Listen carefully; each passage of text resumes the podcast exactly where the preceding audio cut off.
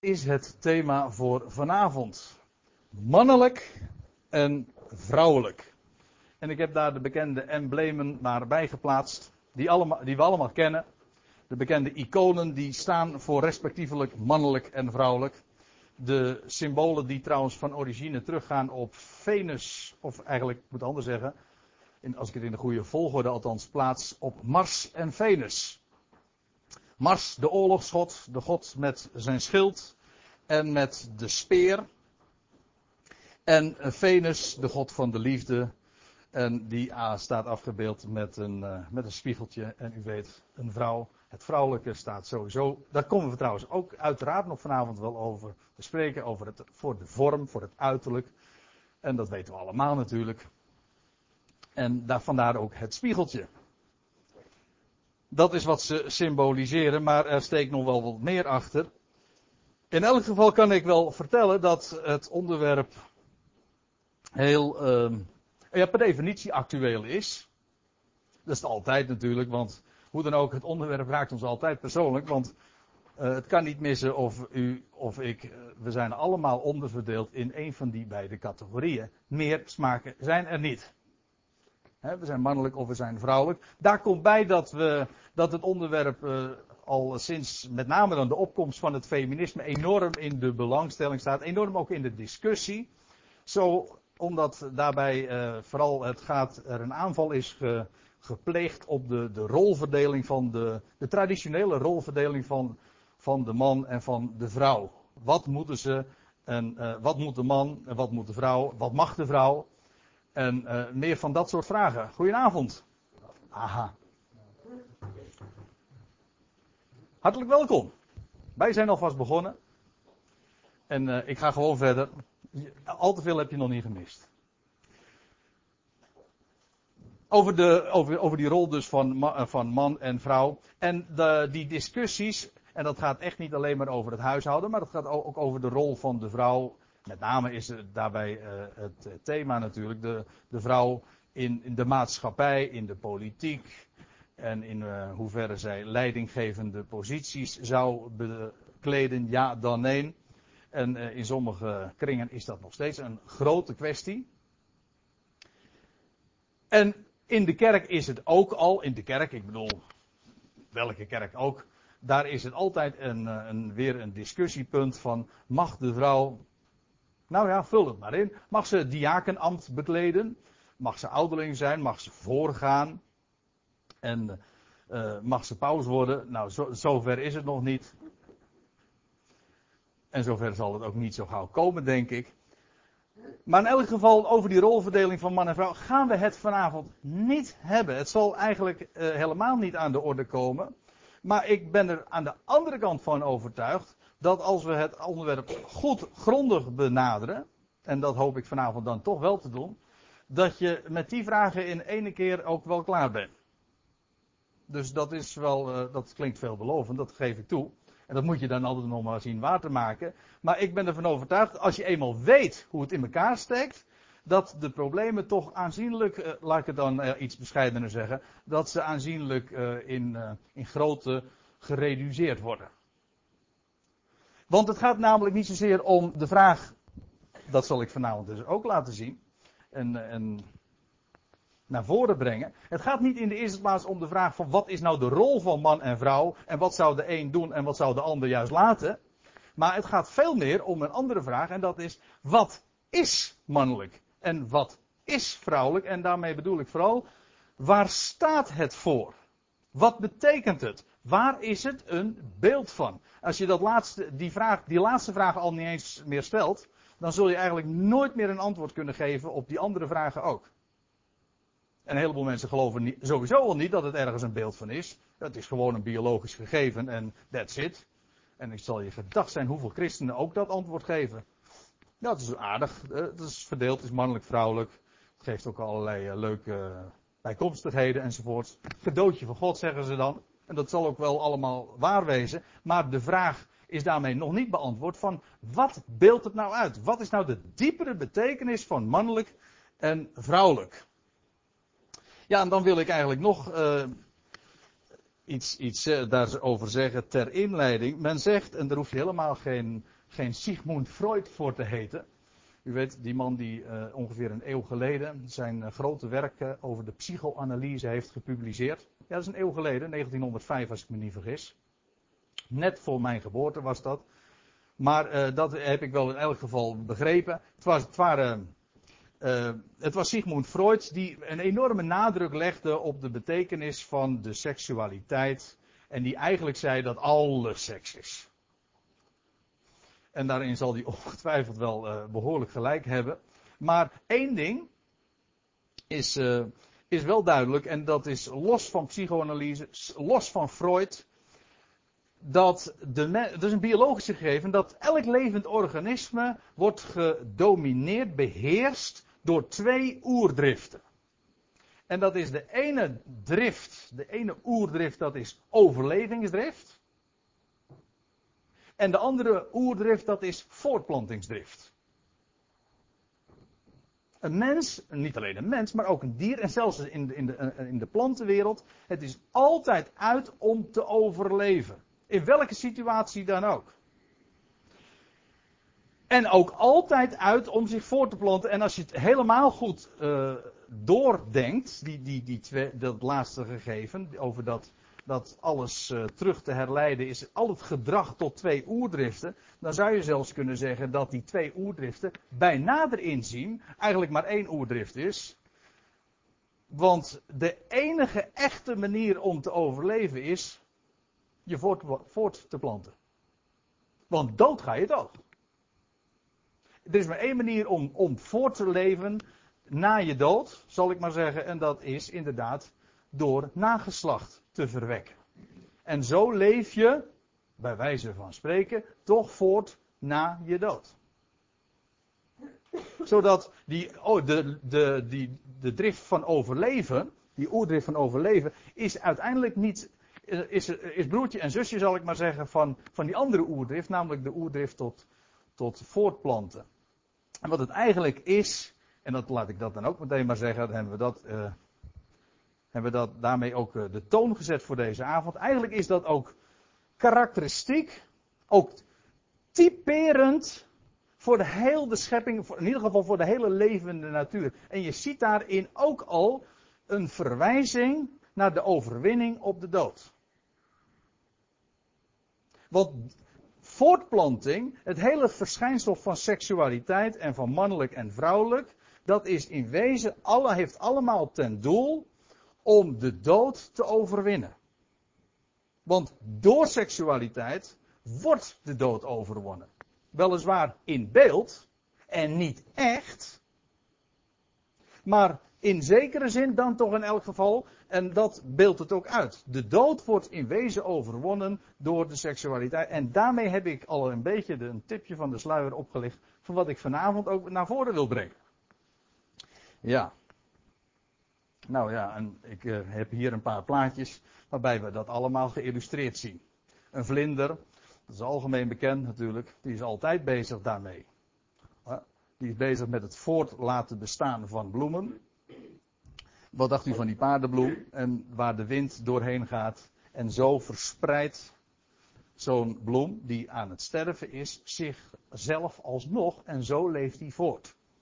Nou, met een bij en een bloemetje kan ik hetzelfde verhaal vertellen. Maar ach, ik geef hier drie plaatjes. Ik bedoel, de hele levende natuur spreekt daar op de een of andere manier van. We gaan Bijbelstudie doen en dus slaan we de Bijbel over op. En eh, het kan in dit geval ook niet missen dat we meteen al bij het begin beginnen, namelijk in het boek Genesis, Genesis 1. En daar vinden we het, de term mannelijk en vrouwelijk voor het eerst. Dat wil zeggen, als je een goede Bijbelvertaling hebt, die is er in dit opzicht niet zo, want uh, alle mij bekende vertalingen geven het niet correct weer. Hoewel waarschijnlijk in de kantlijn wordt het er eh, wellicht bij gezegd. Maar er staat in Genesis 1 vers 27. En God schiep de mens naar zijn beeld. Naar Gods beeld schiep hij hem. Man en vrouw schiep hij hen. Maar dat man en vrouw, dat staat er niet echt. Het staat er net even anders. Ik zeg niet dat het verschil nou zo, zo gigantisch groot is, maar het, is, het staat er net even anders. Het staat mannelijk en vrouwelijk schiep hij hen. Het gaat er dus niet zozeer om dat het een koppel is die bij elkaar hoort. Het gaat er juist om dat, er, dat God de mens uh, creëerde, de mens schiep. Maar hij schiep ze van tweeërlei kunnen. Twee seksen, namelijk mannelijk en vrouwelijk. Twee verschillende soorten tussen aanhalingstekens. Dus. Dat is wat er staat. En dan moet ik er ook nog even bij zeggen dat er staat van. Naar Gods beeld schiep hij hem. Enkel, mannelijk enkelvoud. En dan vervolgens mannelijk en vrouwelijk schiep hij hen. Meervoud. Dus het is niet zo, als ik een hele tijd ook gemeend heb, dat, dat Adam man, in aanvang mannelijk en vrouwelijk was. Ik, het kan best zijn, en bij deze neem ik dat dan weer terug. Zie je dat je altijd wel kritisch, niet alleen naar jezelf, maar ook naar, je, naar de spreker moet zijn. Maar het kan best zijn dat ik het ooit wel eens naar voren heb gebracht op een van mijn Bijbelstudies, dat, dat naar mijn inzicht Adam eh, eh, in eerste instantie tweeslachtig is, was. Een soort hermafrodiet, zeg maar. En dat uh, één zijde van hem is weggenomen. Bij nader inzien kan dat niet. Dat, het, en uiteindelijk blijkt dat al uit dit 27e vers, als je het goed leest. Er staat namelijk mannelijk en vrouwelijk schiep hij hen. Meervoud. Let er trouwens ook op, en daar kom ik later op de avond nog op terug. Er staat, naar Gods beeld schiep hij hem. Niet hen. Dus op beide, kan ik, eh, bij beide punten kan ik benadrukken. Namelijk, naar Gods beeld schiep hij hem, niet hen. En vervolgens, mannelijk en vrouwelijk, schiep hij hen en niet hen. Dus, wie wordt, er wordt ook niet gezegd, wat het heel vaak verteld wordt, en uh, ook van de kansel klinkt het zo vaak, en het is een, echt een groot misverstand, dat de mens het beeld van God is. Dat is sowieso niet het geval, want er is maar één het beeld Gods. En dat is, en het antwoord, het antwoord vinden we bijvoorbeeld in Colossense 1 vers 15, 2 Korinthe 4, ik meen van vers 6, en staat er nog een keer. Waar Paulus naar voren brengt dat Christus is het beeld van de onzienlijke God. En niet de mens. De mens is geschapen naar, of nog preciezer gezegd, in het beeld Gods. Maar dat is wat anders. En dan moet ik het nog preciezer zeggen, niet de mensheid in zijn algemeenheid, maar hem. De man. Niet de vrouw.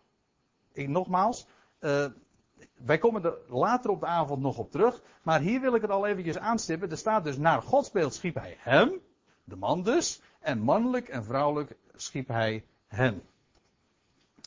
In Matthäus 19 wordt dit herhaald.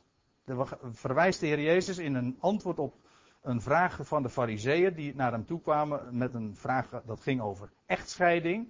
En dan geeft de Heer Jezus een antwoord en hij antwoordt zoals dat naar goed Joods gebruik gaat met een wedervraag.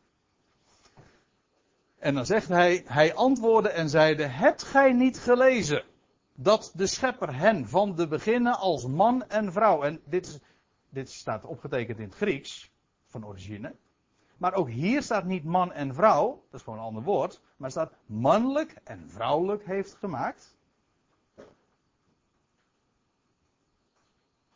Dus de Heer Jezus verwijst daar ook naar en hij veronderstelt het als bekend. Hij zegt, zo, zo staat het geschreven.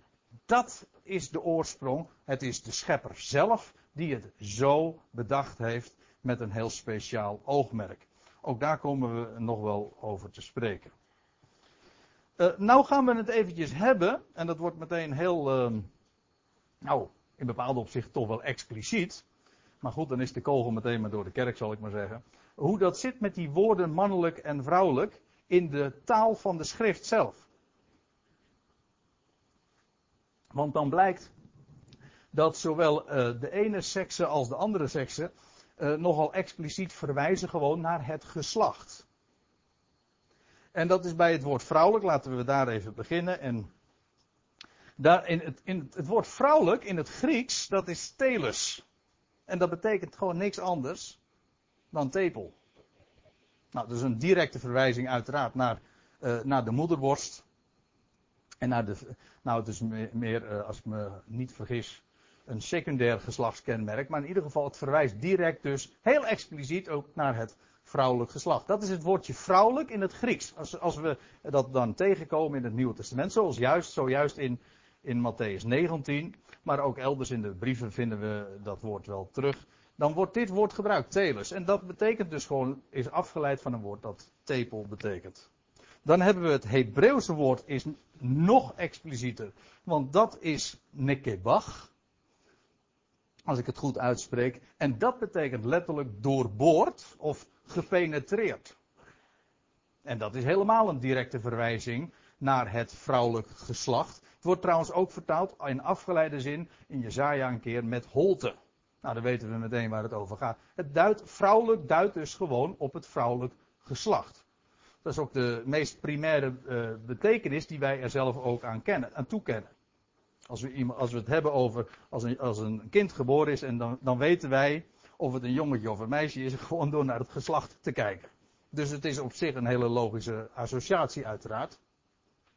Waarbij ik trouwens moet zeggen dat dat woordje doorboord en, uh, en holte gepenetreerd, dat vinden we trouwens ook nog in, uh, in andere talen, bijvoorbeeld ook het Nederlands. Andere talen laat ik maar even voor wat het is. Maar uh, we kennen in het Nederlands het woordje scheden. En dat is, ook, dat is even dezelfde betekenis. Dat is namelijk niks anders dan de omhulling van waar het zwaard ingestoken wordt. Wat met het zwaard doorboord wordt, zou je haast zeggen. En uh, dat, dat heeft dus min of meer dezelfde associatie. En uh, ja, wat ik er eigenlijk met dat puzzelstukje mee wil zeggen is, uh, het past allemaal precies. Hè? Mannelijk en vrouwelijk, ze zijn op elkaar uh, aangelegd. Ze zijn voor elkaar geschapen. Niet mannetje en mannetje, maar, en ook niet vrouwtje en vrouwtje, maar mannelijk en vrouwelijk. Het past ook gewoon anatomisch perfect in elkaar en het is op elkaar aangelegd. Dat is ook wat het woordje vrouwelijk gewoon in het Griek, eh, nou in dit geval heb ik het over het Hebreeuws, ook aangeeft. Dan gaan we het hebben, dan ook nog even hebben over dat woord mannelijk. Nou even, dat wordt wat langduriger. Want in het Grieks is dat het woordje arzen. En dat is weer afgeleid van een ander Grieks woord ero. En dat betekent omhoog komen. Of oprichten. Nou, ik hoef het uh, denk ik niet toe te lichten van waar, waar, hier de associatie ligt. Dat is gewoon wat het woordje mannelijk in het Grieks dus betekent. En het heeft een directe link met een ander uh, woord, wat wij allemaal heel goed kennen in het Latijn, en dat is erectio. En dat betekent in wezen hetzelfde, maar dan is het staan. Of opstaan. Goedenavond, Petra Piet. Ja, die moet zo'n end afleggen.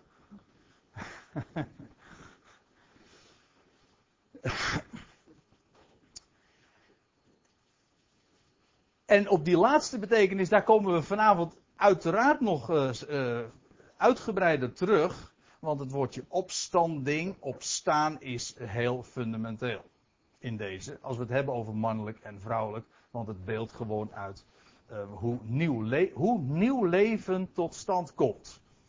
Dus dat zit in het Griekse woord voor mannelijk. Dan heb je nog het Hebreeuwse woord. Dat is ook heel interessant. Daar ga ik uh, wat uitgebreider nog bij stilstaan. Want het Hebreeuwse woord voor mannelijk, dat is sakar, of sagar. We kennen dat wel in diverse namen. Bijvoorbeeld Zacharia. Zacharia betekent de Heere gedenkt. En sagar betekent gedenken. Maar wordt ook uh, anders uh, weergegeven met een gedenkteken. Later op de avond kom ik daar nog even op terug. Uh, het, ook met, een, met het idee van een monument. Maar een monument is ook niks anders dan een gedenkteken. Een opgericht, let op hoe ik het zeg, een opgericht teken. Een opgericht gedenkteken. En die vind je in de Bijbel zo vaak. We zullen dat vanavond trouwens ook nog wel zien, dat een steen wordt opgericht. En dat spreekt uiteraard van opstanding. En uh, de, het monument dat u trouwens in, op deze afbeelding ziet, dat is het monument van of in Washington. En daarvan is algemeen bekend, het is een obelisk eigenlijk, maar dat geldt voor een heleboel van die, van die opgerichte tekenen dat het feitelijk, eh, zoals dat, dat zo netjes heet, symbolen zijn. Dat wil zeggen, gewoon uitbeeldingen van het mannelijk geslacht. Dat is niet helemaal terecht. Maar in de oudheid, zal, zal je gedacht zijn, hoe in de oudheid uh, er. Uh, en, dan, en daarmee bedoel ik met name ook in de, in de afgodische praktijken. We vinden dat heel vaak in het Oude Testament. Dat er sprake is van, van heidense opgerichte tekenen. En dan worden ze genoemd de Ashera's. Maar in de MBG-vertaling wordt het dan weergegeven met gewijde palen. Maar dat waren gewoon vallen symbolen. En de Israëlieten, toen ze in het land kwamen, moesten die dingen allemaal achter elkaar omhakken. Staat er. Ze waren vaak van hout, anders van steen, maar ze moesten omgehouden worden. Omdat uh, in, in de heidense godsdienst, en ik heb bij, toen ik dit onderwerp eens aan het bestuderen was, toen stond ik er nog echt van versteld. Hoe uh, inderdaad in, de, in al die, die godsdiensten, in de omliggende godsdiensten, waar Israël zeg maar uh, tussen leefde, hoe dat gedomineerd werd door, uh, door, door godsdienst, door eredienst, offerpraktijken, waarbij het uitsluitend ging om seksualiteit en vruchtbaarheid en om hele expliciete symbolen. En ik zal u vertellen, ik heb me vanavond heel erg netjes gehouden. Ik ga me ook heel netjes houden. U bent natuurlijk niet anders van mij gewend. En ik, heb, ik zou plaatjes kunnen laten zien, allemaal vanuit de oudheid hoe men dat afbeelde. En dan zou je zeggen van dat is stuitend, dat laat je toch niet zo zien. Nee, maar uh, dat was wel de wijze waarop men dat vroeger echt ook etaleerde. Waarbij ik er trouwens wel moet, bij moet zeggen dat die symbolen, ook die vallen symbolen, ik kom daar straks ook nog even op terug, dat dat niet zozeer erotiek was, of eigenlijk helemaal niet erotiek, maar het was een embleem van vruchtbaarheid, van nieuw leven. En ook wist men daar nog wel uh, heeft, uh, ja, iets van. Ik dat klinkt wat denigrerend, maar was het bekend dat dat in wezen ook een uitbeelding is van overwinning op de dood. Zodat zelfs het heidendom daar wel van op de hoogte was. Iedereen voelt wel aan dat seks en seksualiteit en de voortplanting, het hele wonder van hoe nieuw leven voortgebracht wordt, dat dat iets heiligs is, dat dat niet zomaar kan zijn.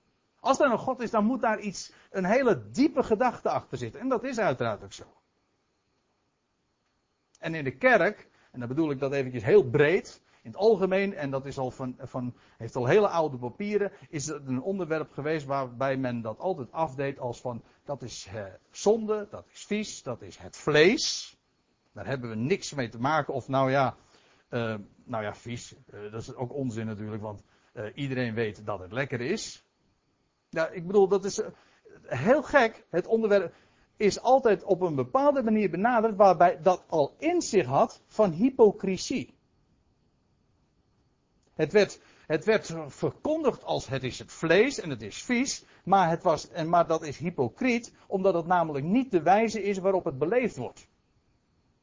Dat hoef, je helemaal niet te, hoef ik helemaal niet te demonstreren, hoef, ik hoef het ook niet uit te leggen. Zo is het gewoon. En het is algemeen bekend de wijze waarop dat in de, in, ja, in de traditionele kerk altijd is belicht. Het hele onderwerp is, is, is altijd, uh, daar zat een, een taboe op. Daar spreek je niet over. En als je er al over spreekt, dan was het altijd met dat opgeheven vingertje. Kijk uit, pas op. Allemaal gevaren. Mag eigenlijk niet. Laat staan dat je zou zeggen van dat het een geweldige betekenis is.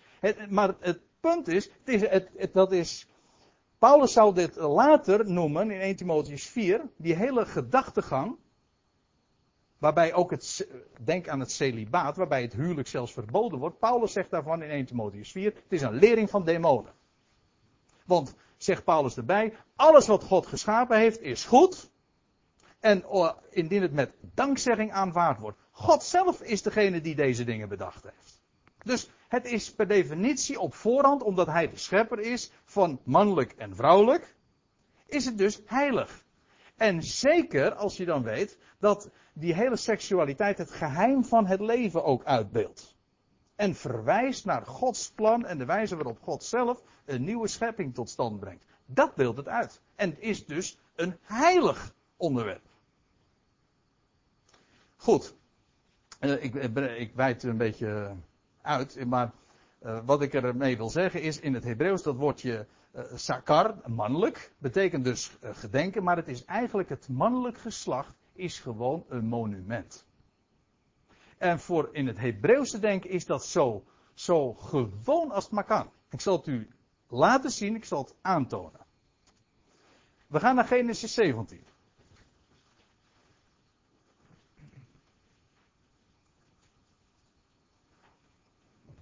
Daar lezen we dat God Abraham roept. Nou, hij had hem al eerder geroepen, dat lezen we in Genesis 12. Maar dat uh, Abraham geroepen wordt uh, om zich te laten besnijden. Inmiddels is Abraham een 100-jarige.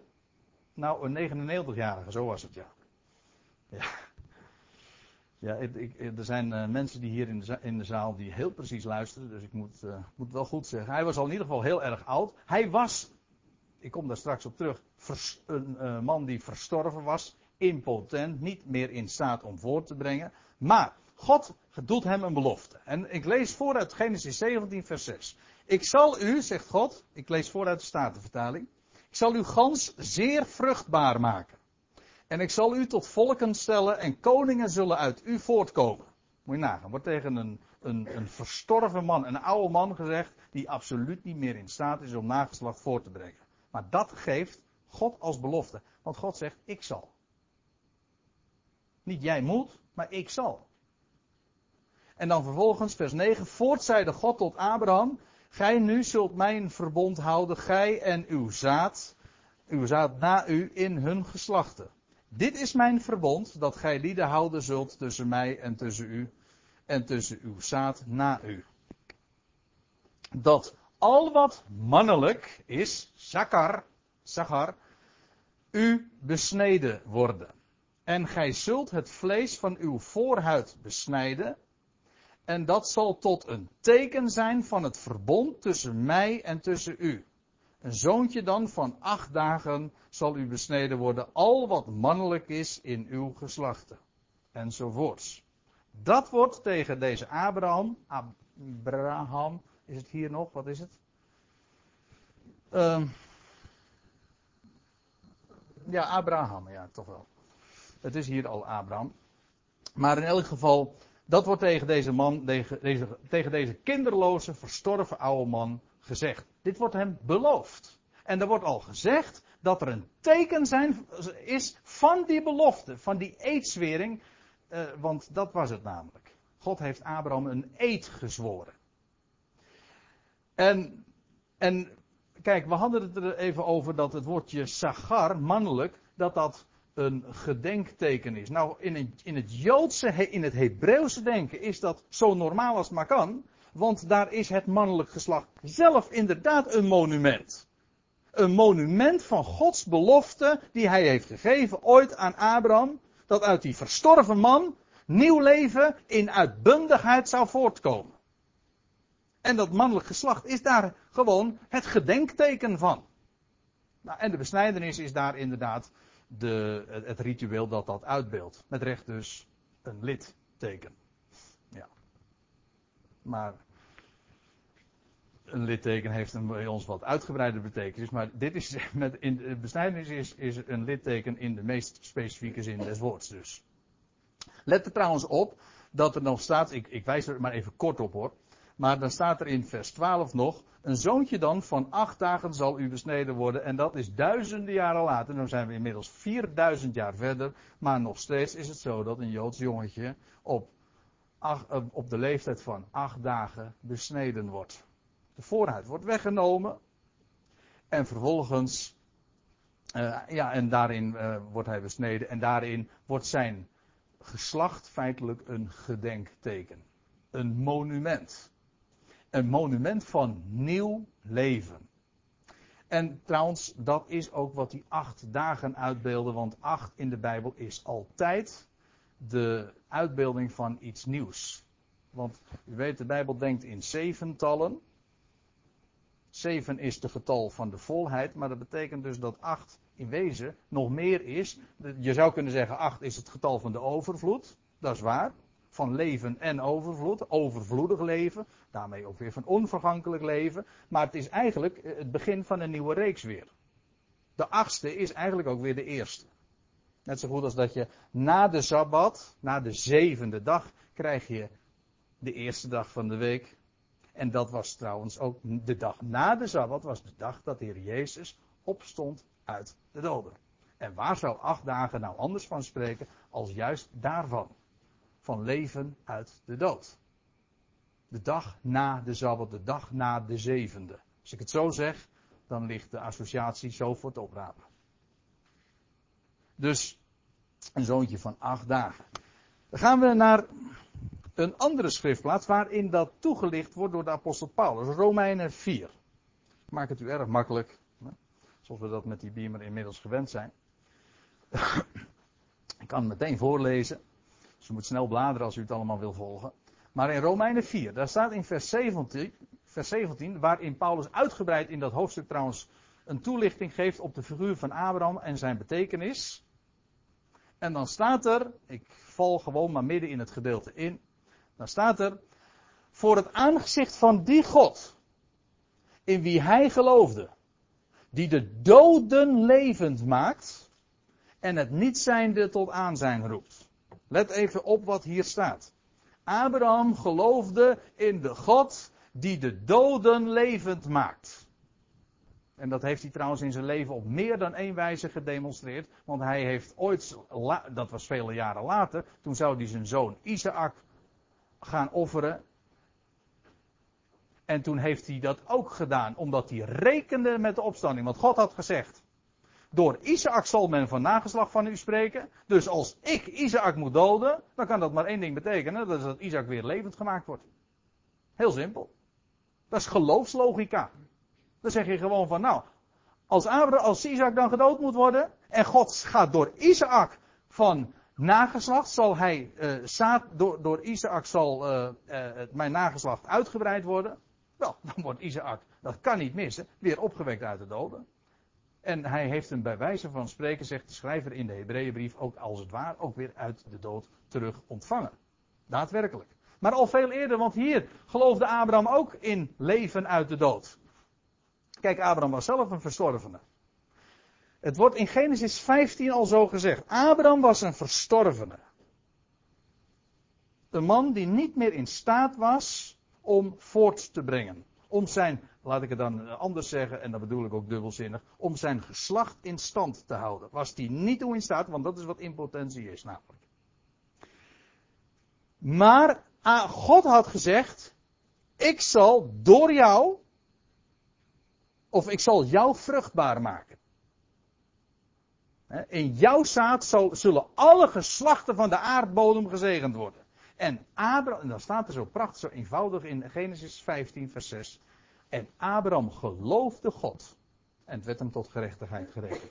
Zo rekent God. Als, als, iemand een rechtvaardig is, dan wil dat zeggen, hij neemt Gods woord serieus. Hij beaamde het. Dat is wat er staat eigenlijk in het Hebreeuws. Prachtig hè? Abraham geloofde God. Abraham was een verstorvene. God sprak van leven. Dus van leven uit de dood. En daarom staat hier ook, dat zegt Paulus, Abraham geloofde in de God die de doden levend maakt.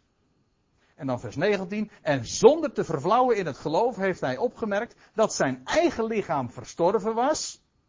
Daar hij ongeveer 100 jaar oud was. En dat Sarah's moederschoot was gestorven. Dus beide. Het was dood. Ze, liepen dus met recht ook in dat opzicht met de dood in de schoenen. Ze waren verstorven. Heel opmerkelijk dat het op die manier ook benoemd wordt. Maar staat er dan in vers 20, aan de belofte Gods heeft hij niet getwijfeld door ongeloof. Doch hij werd versterkt in zijn geloof en hij gaf God de eer. In de volle zekerheid dat hij bij machten was hetgeen hij beloofd had ook te volbrengen. En Abraham heeft inderdaad de opstanding aan de lijve ervaren. En dat is wat, wat, wat in Abrahams leven gezien wordt. De, uh, het is de God die de doden levend maakt. En zo uh, heeft uh, door, door, deze verstorven Abraham heeft God nieuw leven een, een, voortgebracht. En zal hij alle geslachten van de aardbodem van de hele wereld gaan zegenen. Leven uit de dood. Psalm 105. Daar staat dit. We hadden het net over dat woordje Sakar, hè? Sakar. Daar hebben we het toch nog steeds over. Maar ga ik u nog, nog iets daarover vertellen. Want er staat daar eh, in, in Psalm 150 gaat het heel erg speciaal trouwens over Gods verbond met Abraham. En daar staat er in vers 42 dit. Want hij, gaat het over God, over de Heer, want hij gedacht aan zijn heilig woord aan Abraham, zijn knecht. En hier staat het woordje sakar weer. God, de Heere, gedacht aan zijn heilig woord. En wat is zijn heilig woord? Dat was die eed die hij gezworen had aan Abraham. Normaal gesproken zweert God helemaal niet. Hè? Dat, is, dat is bij hoge uitzondering lezen we in de Bijbel, ik geloof van drie of vier keren, dat we lezen dat God, de Heer, een eed. Dat de eerste keer dat we dat vinden, is inderdaad in, in verband met Abraham. En de Hebreeënbriefschrijver die licht dat later toe in hoofdstuk 6 van die brief. En dan zegt hij van ja, opdat bij twee dingen het onver, on, onver, uh, uh, onwrikkelijk, hoe zeg het nou? Onwrikbaar vast zou staan dat Gods belofte waar is. Dat God niet alleen maar belooft, maar hij zweert het. Een dubbele getuige. Nou, in ieder geval, dat heilig woord, dat is een eedswering. En nou ga ik daar, wil ik ook wat over vertellen vanuit het Hebreeuws, want dat is iets heel bijzonders. Want dat zit zo. Kijk, dat heilig woord, dat is de eed die hij gezworen had, dat is niet zo moeilijk. Maar als je dat vanuit het Hebreeuws ziet, het woord voor eed is in het Hebreeuws Allah. Ja, het heeft inderdaad ook alles nog te maken met het Arabisch Allah, want dat is allemaal, heeft dezelfde stam. Het heeft allemaal te maken met, met het woord God. Met de onderwerper, de onderschikker. Want dat is wat het woordje, dat grondwoord eigenlijk betekent. Al. Trouwens, bij een eed wordt God ook ter getuige aangeroepen. Dat is eigenlijk het karakteristieke van een eed ook. Toch? Een eed is niet zomaar een belofte, maar het is een belofte waarbij je God tot getuige aanroept. En daarom is het ook zo bijzonder dat uh, God uh, een eed zweert. Want dat betekent eigenlijk dat hij zweert bij zichzelf. Je zweert gewoon bij de Allerhoogste. En aangezien hij zelf de Allerhoogste is, zweert hij bij zichzelf. Zo staat het trouwens ook in Jezaja. Dat God zweert bij zichzelf. Namelijk bij de Allerhoogste. Maar dan is er nog een woord. En dat is het woordje terebind. Uh, dat, tenminste, dat komen we in onze vertalingen vaak tegen, MBG. In de Statenvertaling wordt het meestal weergegeven met een eik. Maar dat is, uh, dat is hetzelfde woord, of min of meer hetzelfde woord. In als je uh, de, in de Strong Concordans uh, nakijkt, dan zie je die woorden zelfs naast elkaar staan. Allah, dat is woord voor eet. En het woordje eik, dat is elon. U zegt, dat vind ik niet echt heel erg op elkaar lijken, maar dat komt door ons, doordat wij klinkers gebruiken met name. En daardoor krijgt het een andere klank, maar dat speelt in het Hebreeuws geen rol. Het gaat er eventjes om dat die terebint, dat is gewoon een eik. Dat is heel gek hè, maar de Statenvertaling spreekt altijd over een eik. Dat woord kennen we allemaal, maar wat een terebint is, Joost mag het weten. Dat weet toch niemand? Ja, ik, ga het u, ik vertel het u nu. Maar anders, wie, wie spreekt nog van een, over een terebint? Maar een terebint is gewoon een eik. Dat is het woordje elon. Trouwens, de NBG-vertaling is daarin niet erg concordant, want soms geeft ze het weer met, uh, met terebint, dat woordje elon. Er zijn, er zijn er trouwens uh, verschillende bijbelse personages die ook zo heten. Bijvoorbeeld de schoonvader van Esau. Die heette Elon. En je had ook een richter, vlak voor Simson. Die heette ook, je had Samgar, en je had ook Elon. Maar dat is dit woord. Dat, betekent gewoon een eik. Want een eik, zal je gedacht zijn, dat wordt zo vaak in de Bijbel genoemd. In de geschiedenissen van het Oude Testament. En we lezen er straal overheen. Waar, waar niet? Ik, met we bedoel ik nou eventjes. Kijk, wij zijn natuurlijk de grote uitzondering, maar over het algemeen wordt daar gewoon straal overheen gelezen. Maar uh, daar, zit, namelijk heel veel achter. Want uh, u denkt dat ik nou een zijpaadje bewandel, dat is wel zo, maar dat is om uiteindelijk gewoon weer terug te komen bij waar we begonnen zijn. Kijk, dat woordje terebint is gewoon een eik. En ik zal u eens laten zien waar dat allemaal ge voorkomt. Nou ja, allemaal. We komen het zo vaak tegen. Ik geef zomaar een bloemlezing van een, stuk of vier, vijf voorbeelden. Waar we die eik dan tegenkomen. Heel eigenaardig. Uh, er staat in Genesis 12, dat is pal bij de roeping van Abraham, toen nog Abram, ja. Later kreeg hij nog een he in zijn naam, een h in zijn naam. Net als Sarah. Maar toen was het nog Abram. En Abraham trok het land door tot de plek bij Sichem. Tot de terebint More. En de Canaanieten waren toen in het land. Dus, dus Abraham is hier zojuist gearriveerd in het land. Door de Jordaan gegaan. Ja, ja, door de Jordaan gegaan. Door de doodsjordaan, zal ik het dan zo zeggen. Ook een beeld van dood en opstanding. Maar hij was. En toen kwam hij bij de terebint More. Weet u wat trouwens wat More betekent? Juist, onderwijzer. On... Ja, ook nog, ja. En, uh, maar het is, uh, het is woordje onderwijzer of leraar.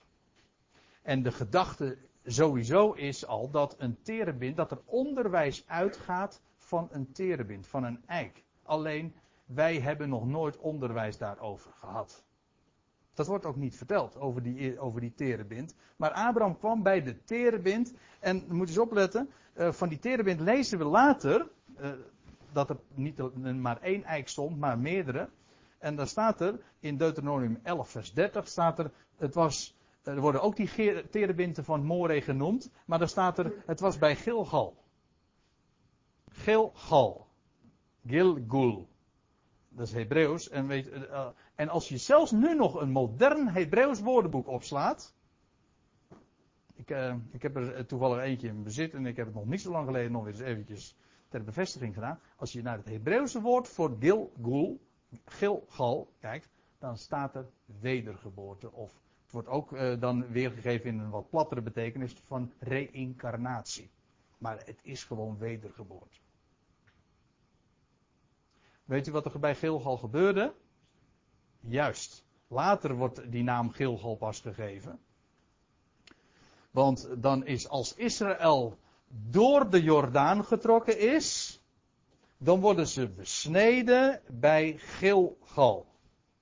Want dat gedurende de woestijnreis waren de, de, was het volk van Israël niet besneden. En wordt dat bij die gelegenheid alsnog gedaan, jong en oud. Alles wat mannelijk is, werd besneden. En dat was een, eh, een eh, vreselijke plaats. Het wordt dan ook Bochim genoemd en dat eh, betekent geween. Want dat is een hele pijnlijke gebeurtenis geweest zo voor dat hele volk. Maar dat is wat er gebeurde. Maar dat was bij Gilgal. En dat, uh, en dat Gilgal bij de terebinten van More. Maar nou moet nog eens eventjes verder gaan. Want er staat er in Genesis 13. Dan, dat is weer bij een andere gelegenheid. Dan staat er, daarna sloeg Abraham zijn tenten op en, nou ja, ja, want u weet, hij had geen vaste verblijfplaats. Hij was steen, een steenrijk, maar hij was gewoon een pelgrim. Hij was op reis. Hij heeft eigenlijk geen, geen millimeter ooit bezeten van het land. Nou ja, hij heeft een stuk, hij heeft een graf gekocht. Het enige wat hij er had was een graf en hij had er een altaar. Meer niet. Voor de rest had hij er helemaal niks. En God had gezegd, nee, en Abraham heeft, het ook, heeft ook altijd geweigerd om het te kopen, want God had gezegd, ik zal het je geven. Dus dan ga je het niet kopen. En God, en, en God zal het hem ook geven. Waar het nu even om gaat, is dat er staat van uh, in Genesis 13, ja, daarna sloeg Abraham zijn tenten op en hij ging wonen bij de terebinten, heb je hem weer, van Mamre. Dat is weer een andere plaats. Maar waarom zou hij dat nou in vredesnaam doen, joh? En waarom wordt het erbij vermeld? Is dat belangrijk voor de geschiedenis? Is het wereldschokkend of zo? Dacht het niet. Maar eerst al bij die terebinten van More, nou hier bij de terebinten van Mamre, daar ging hij wonen. Waarom? Bij Hebron en hij bouwde daar een altaar voor de Heer. Hoezo? Waarom bij die terebint? Ja, ik vraag het maar even. Maar het is niet zo moeilijk als je eenmaal weet dat een eik alles te maken heeft met de eed die God zwoer. Daar herinnert het namelijk aan. Ik kom dus nog straks op terug. Ik wil eerst nog even een, aantal andere plaatsen noemen. Want dan lees je in Genesis 35, en ik nogmaals, ik sla er nogal een aantal over. Dan lees je, toen Deborah, de voedster van uh, Rebecca, gestorven was, werd zij begraven beneden Bethel onder een eik. Waarom dat nou weer? Ja, ik heb het antwoord al even natuurlijk uh, uh, gegeven. Maar het is, het kan niet missen. Het heeft inderdaad te maken. Die eik is een uitbeelding van Gods belofte. Van de eed die God zwoer. Ik geloof dat ik nog een voorbeeld heb. Ja, uh, dat is ook een hele mooie hoor. En Joshua, Jehoshua, dezelfde naam als Jezus, alleen dan in het Hebreeuws. De Heere red betekent dat. En Joshua schreef deze woorden in het wetboek Gods. Hij nam een grote steen. Hij, richtte die daarop. Heb je het weer? Een monument. Hij, richtte een, hij zet een steen recht overeind. Oh, dat vind je zo vaak. Abraham, of uh, Jacob, heeft hij een droom gedroomd daar in Bethel. Ziet hij een verbinding tussen hemel en aarde. En wat doet hij? Als hij zodra hij wakker wordt, hij richt die steen op. Hij, die steen waar hij zijn hoofd ooit op gelegd had, die richt hij op, die zet hij recht overeind. Hij laat hem opstaan, hij doet hem opstaan. Ja, ik, ik, ik zeg het maar even zo, dat u in ieder geval de, link legt. Hij doet die steen opstaan. Hij zalft die steen en ook nog staat er bij die gelegenheid. Dat wil zeggen, hij maakt die steen tot een Mashiach. Als ik het in het Hebreeuws zeg. Tot een gezalfde. Hij zalfte met olie. Ook een beeld van, van nieuw leven. En dan zeggen wij van ja, die mensen wisten toen nog niet zoveel. Nou, veel meer dan wij denken. En ik, ik, ik wilde eigenlijk zeggen veel meer dan wij. Maar uh, dat is natuurlijk niet helemaal waar. Kijk, inmiddels zijn wij verder in de heilsgeschiedenis. Maar die mensen wisten zo ongelooflijk veel over symboliek. En die, dingen, die mensen die deden die dingen niet zomaar. Abraham ging niet zomaar voor noppers bij een eikenboom, bij eikenbossen wonen. En het was niet voor niks dat er, eh, als er een, een dode te begraven was, dat het onder een eik gebeurde. Niet omdat dat op zich een functie had, maar er ging een sprake van uit. Er, het herinnert ergens aan. Net zo goed als dat, ja dat weten wij ook niet meer, maar als je op een begraafplaats komt, dan zie je ook allemaal opgerichte stenen. Maar dat is ook een uitbeelding van hoop. Een opgericht teken. Een steen trouwens altijd, maar zeker als die opgericht is. Dat is de, alleen een, al een, een opgerichte steen is een monument. En daarmee een verwijzing naar opstanding. Dat soort associaties zijn wij helemaal kwijtgeraakt. Zo denken wij niet meer. Wij denken alleen nog maar technisch en functioneel. Wat heet je eraan? Wat, wat kan je er verkopen? Maar we denken niet meer in, in, in, de, in termen van betekenissen. Maar die eik die herinnert aan Gods belofte. Aan een betrouwbare God. En het was zelfs in, dat is niet alleen maar zo in het Bijbelse denken, maar ik kan me herinneren, ik, uh, het, is een hele tijd geleden, maar ik heb ooit nog dat verhaal gehoord van, uh, was het uh, Bonifatius die bij Dokkum kwam en die daar ook een eik om hakte. Wie kan me helpen? Ja, hij, hakte een eik om. Maar bij de eik werd namelijk, vond ook de rechtspraak plaats. Ja, bij die eik ook af, afgoderij natuurlijk, maar dat is wat de mens altijd doet. Al het goede dat God geeft, dat, gaat, dat, dat, dat misbruikt de mens. Maar de oergedachte is goed. De mens corrumpeert het. Het wordt altijd weer pervers gemaakt. Maar dat is net zoiets als met astrologie, waar we het ooit wel eens over gehad hebben, over die sterrenbeelden. En daar zegt, daar zegt, daar zegt de, de, de, iedereen, en kakelt elkaar na in de christelijke wereld, van dat is occult. Dat is niet waar. Sterrenbeelden, die en sterren in het algemeen, maar dat geldt voor de hele natuur, daar gaat een sprake van uit. De, de hemelen vertellen zijn eer. En die sterrenbeelden zijn niet occult, integendeel, ze zijn heilig, daar gaat een sprake van uit. Het spreekt van Gods plan. En dat geldt natuurlijk ook van de natuur en dat geldt ook van een, van een simpele eik. Het is een uitbeelding van Gods trouw. En het is daarom een uitgelezen plaats, op een plaats van rechtspraak, dat daar, dat, dat plaatsvindt bij een embleem van trouw en van gerechtigheid. Want er kan ik nog wel een voorbeeld geven hoor. Want er staat, en mensen, er staat in Jezaja, gaat over het volk Israël, een belofte wordt er gegeven. En men zal hen noemen. In de Statenvertaling staat er, eikenbomen der gerechtigheid. Een planting des Heren tot zijn verheerlijking. Hoezo? Nou, een eikenboom spreekt inderdaad van Gods van gerechtigheid. Van God die doet, recht doet aan zijn woord. Die spreekt en hij vervult het ook. Dat is trouwens gerechtigheid. Dat is recht doen aan het woord. En belofte maakt schuld als God een belofte doet, dan, maakt hij, dan verplicht hij zich tot iets. En als God een eed zweert, dan zal hij het doen. Wat dan ook. En een terebint, een eik, dat spreekt inderdaad van Gods trouw. Hij doet wat hij zegt. Hij doet recht aan wat hij zegt. Vandaar ook die terenbinten der gerechtigheid.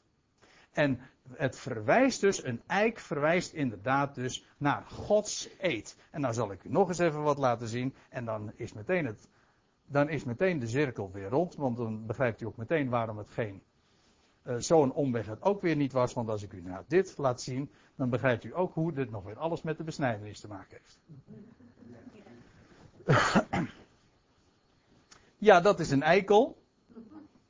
Maar dat is precies ook wat er met de besnijdenis zichtbaar gemaakt wordt. Want kijk, wij zeggen het op een negatieve manier. De voorhuid wordt weggenomen. Ja, maar wat wordt er dan zichtbaar? Precies. De eikel, ja. En dat spreekt in de Bijbel van de eed die God gezworen heeft. Van zijn trouw. En daarom, dat mannelijk geslacht is inderdaad een monument.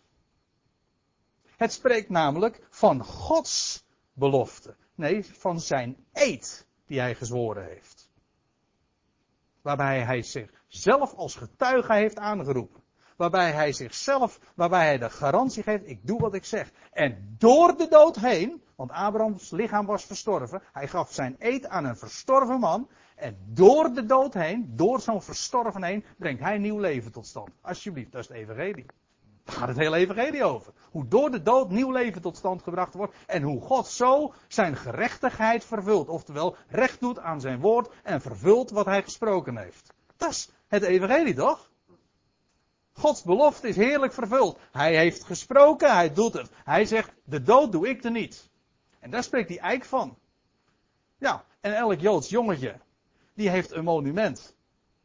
Ja, en wij, trouwens, elk, uh, het, iedereen met een mannelijk geslacht, allemaal van het mannelijk geslacht, hebben een monument. Maar dat, uh, in het Hebreeuwse denken, of in ieder geval, een, een Israëlisch jongetje, een Israëlische man, die heeft ook nog een, daarbij een teken daaraan. Dat onderstreept het. Maar in wezen het mannelijk geslacht, en dat is wat het, het idee is, het herinnert aan Gods verbond, nee, aan Gods, ja, Gods verbond, aan Gods belofte, aan zijn eed, aan zijn woord, waarbij hij nieuw leven uh, tot stand brengt. Ja, dan wil ik ook nog op een andere schriftplaats wijzen, Jesaja 57. Ik moet, ik moet wel een beetje doorgaan, want uh, er staat in uh, Jesaja 57, gaat, daar, geeft Jesaja, of de Heer, maar bij monden van Jesaja, een uitbrander als het ware naar, naar het volk waar ze mee bezig waren, naar de afgoderij die zij pleegden. En dan staat er, gij die in wellust ontbrandt bij de terebinten onder elke groene boom. Oh, en die uitdrukking vind je zo vaak bij de, bij de profeten. Dat ze, maar, uh, dat ze afgoderij pleegden onder elke groene boom. Maar ik zal je vertellen, dat is niks anders dan, dat zijn niks anders dan vruchtbaarheidsrieten. En tempelprostitutie, dat is allemaal, dat hoorde allemaal bij elkaar. Maar die terebinten, die betekenis die kende men in het heidendom ook wel hoor. En waar het van sprak. Alleen zij zeiden, het spreekt allemaal van de seksualiteit. Het is niet waar, het is omgekeerd. De seksualiteit spreekt van, van, van Gods woord en zijn plan en over de wijze hoe hij nieuw leven tot stand brengt.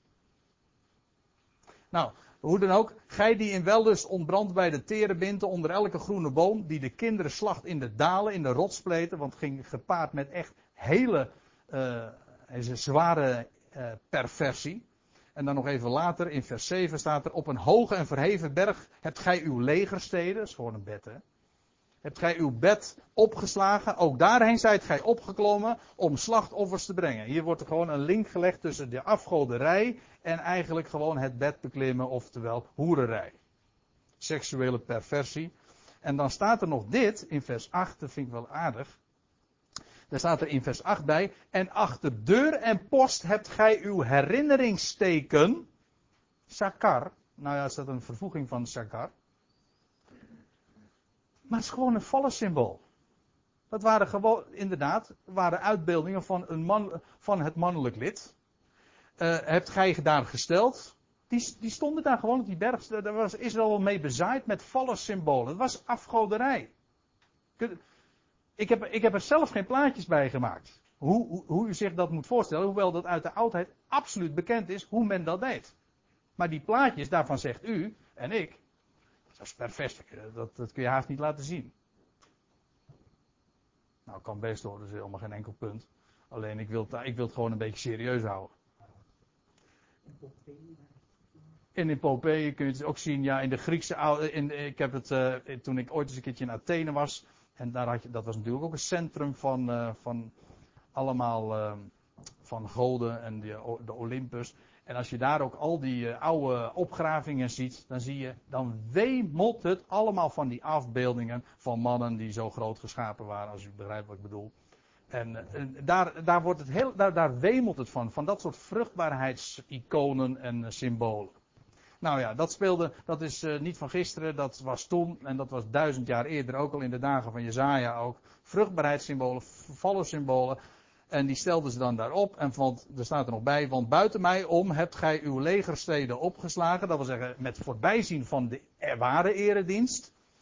En zijt opgeklommen, hebt gij uw legersteden ruimte gemaakt. Gij hebt uw loon bedongen van wier, dit is Statenvertaling geloof ik. Ja. Nou, dat weet ik even niet zeker. Maar in elk geval, gij hebt uw loon bedongen van wie er bijslaap gij hebt lief gehad. Wie er schaamte gij hebt gezien. Als u trouwens een NBV hebt, dan staat er gewoon van wie gij het lid hebt gezien. Het mannelijk lid namelijk. Dat is, dat is wat er beschreven wordt. Dus dan ziet u hoe dat hele thema mannelijk-vrouwelijk ook in de afgoderij een grote rol speelde. Een perverse rol, omdat men namelijk niet meer de betekenis ervan zag. Wat men nog wel zag toen, en dat is het enige positieve wat je ervan kunt zeggen. En dat, dat positieve steekt zelfs af tegen de onkunde, het onbegrip dat er is in de christelijke wereld van oudsher. En dat verandert nog maar in wezen weinig hoor.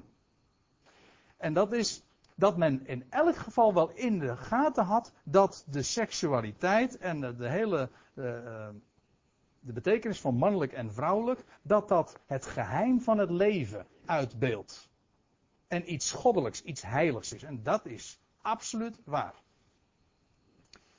Uh, ja, nou dat is weer even een ander onderwerp. De vrouw is uit de man. Daar gaan we het zo na de pauze over hebben. Kunnen we de pauze trouwens niet al te lang maken, maar uh, we drinken toch even een kopje koffie en dan gaan we straks uh, verder met dit onderwerp. Ja.